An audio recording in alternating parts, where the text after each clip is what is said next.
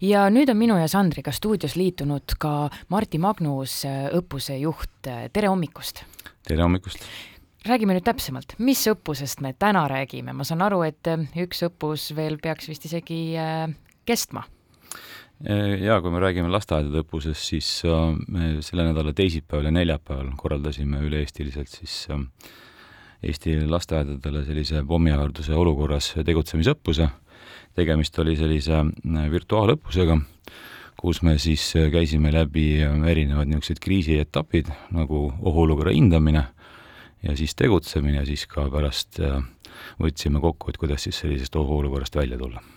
kas ma saan aru õigesti nüüd, et lasteaiad pandi sellisesse olukorda, kus päriselt ongi oht nende silme ees, kas pommiähvardus või mis iganes oht?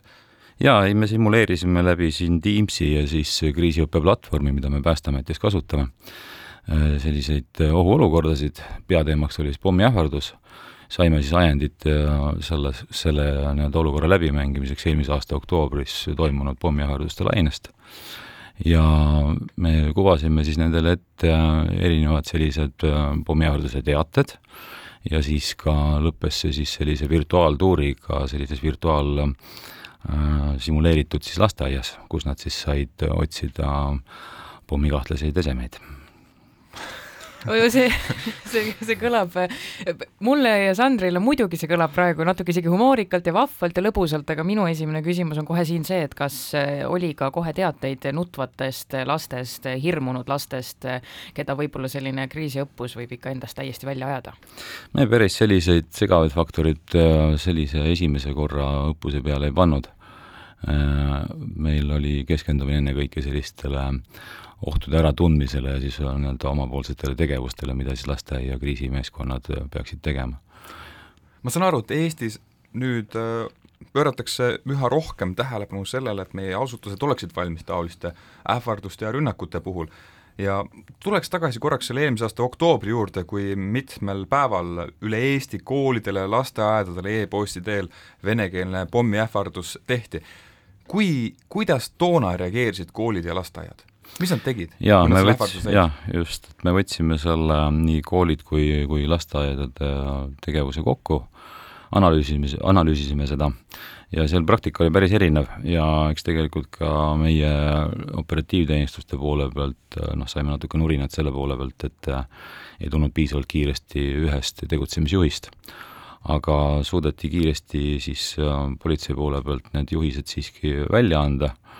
ja, ja noh, kuna sellised äh, masspostituslained on, siis ilmselge on see, et, et me kõiki koole üheaegselt korralda, nii-öelda kontrollida ei suuda. ja, ja siis anti ka juhised, et, et äh, praegusel hetkel mitte evakueeruda. ja noh, oli, oli praktika erinev, osad koolid evakueerusid, osad koolid, lasteaiad ei evakueerunud, nii et eks ta tollel ajal selline õppimise koht oli õppusjuht Martti Magnus,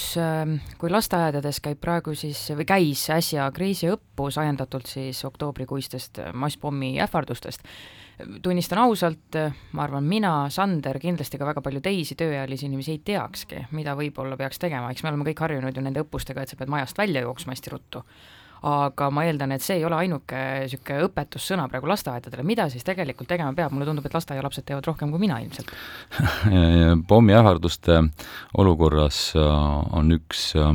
põhiline selline kriteerium, mida nagu hinnata ja vaadata. Äh, esiteks on see, et kui ähvardus saabub teile, siis,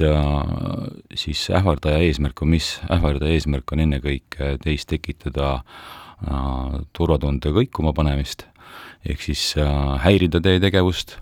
ja, ja kui te võtate automaatselt sellise seisukoha, et äh, iga pommiähvardus võrdub kohe automaatselt evakueerumist, siis äh, tegelikult see ei ole kõige õigem praktika.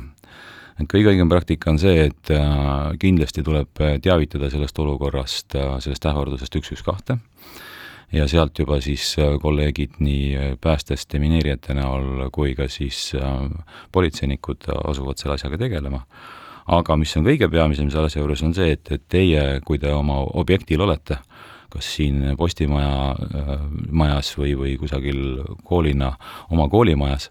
siis teie ju teate ja tunnete kõige paremini seda objekti kui te vähimatki kahtlust seal nagu näete, miski tegevus äratab kahtlust,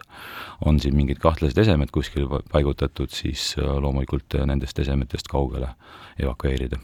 ja kindlasti tasub ka selliste äh, pommiähvarduste olukorras väga selgelt vaadata,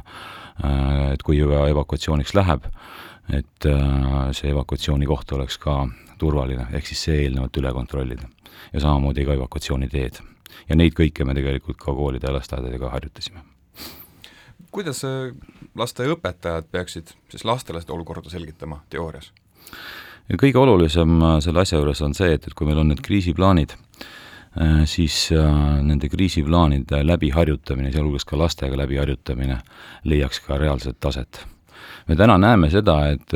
üsna hea on seis haridusasutustes tulekahjudeks ettevalmistumisel, ehk siis seal kehtib ka all üks nõue, kus nad aastas korra peavad õppuseid tegema, praktilisi õppuseid evakuatsiooniõppuste näol. ja, ja see loob ka tegelikult sellise turvatunde meile endile ka, et, et vähemalt üks sündmuse või kriisiliik on läbi harjutatud tulekahjude näol. ja, ja siis see, seda ka siis haridusasutustes ka reaalselt tehakse. ennekõike see, et, et mis on plaanid, neid tuleb ka läbi harjutada, nii nagu sportlastel treeningkava, tuleb ka trenni teha. Kui see nädal olid nüüd lasteaias need õppused, siis ma eeldaks, et kõik lasteaiad sinna õppusesse ju ei mahtunud või kui palju neid oli? no meil valmisolek tegelikult oli võtta kõik need haridusasutused pardale, aga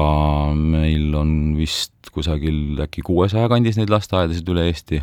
sama palju on ka üldhariduskoole ja meil õnnestus saada sellele kahele õppusepäevale äh, nii koolidest kui ka siis lasteaedadest äh, veidi üle kahesaja. nii et tegelikult noh, päris poolt sihtgruppi ei, ei tabanud. aga ikkagi päris hea number kahe päeva mõistes. noh, me pakkusime head asja ka kas see, ja ilmselt see jätkub, see programm, et praegu mõni lapsevanem kuulab, et millal minu laps sellist asja õppida saab, siis jaa, see on tõsi, et noh, tegelikkuses me oleme Haridus-Teadusministeeriumiga kokku leppinud, et, et meil on siin jätkutegevused. Ja kui me kaks tuhat üksteist aastal äh, siin politseiga ja päästega koostöös äh, tegime ühte nii-öelda ROKA nimelist projekti, kus siis Rocca al Mare kool oli, oli juhtkooliks sellise kriisivalmiduse tagamise projektil või projektis, siis äh, nüüd on plaan äh, uuesti see projekt äh, ellu äratada, Haridus-Teadusministeerium seda täna ette valmistamas on ja, ja me võtame kogu selle kriisivalmiduse poole siis Haridus-Teadusministeeriumi eestvedamisel ette ja ja, ja valmistame ka siis sellised head juhendmaterjalid koolidele, lasteaedadele, noh, haridusasutustele üldse, et nad suudaksid paremini kriisideks ennast valmis seada arvestades, et oktoobris lasteaedadele tulnud kiri oli venekeelne, arvestades seda, et meie läheduses on käimas sõda Ukraina ja idanaabri vahel, arvestades seda olukorda, mis on olnud näiteks merel, Baltic Connectori katki minemine, eh,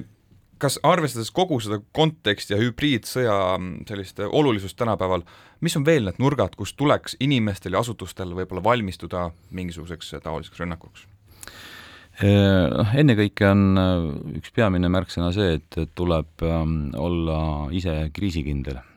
ehk me peame vaatama seda, millised on meie toiduvarud, äh, joogivarud kodudes, kui palju me oleme haavatavad elektrikatkestuse korral ja, ja kui me läheme nüüd organisatsioonide tasemetele, siis peame vaatama ka seda, et et kuidas me suudame organisatsioonides, on need siis haridusasutused, ajakirjandusettevõtted, mis iganes, Äh, ettevõtted, riigiasutused, äh, siis nende kriisiplaanide nii-öelda reaalne läbiharjutamine. ehk siis oleks äh, selge käitumisjuhis olemas, et kui kriis tuleb, siis mis on minu roll või mis on liikmete roll selles kriisis, kui me räägime organisatsioonidest, ja, ja kuidas siis täpsemalt käituda. aga kui öelda, et või noh, kui tuua välja, et, et millisteks olukordadeks valmistume, noh, kui täna käib meil kogu jutt sellest, et, et me peame valmistuma sõjaks, siis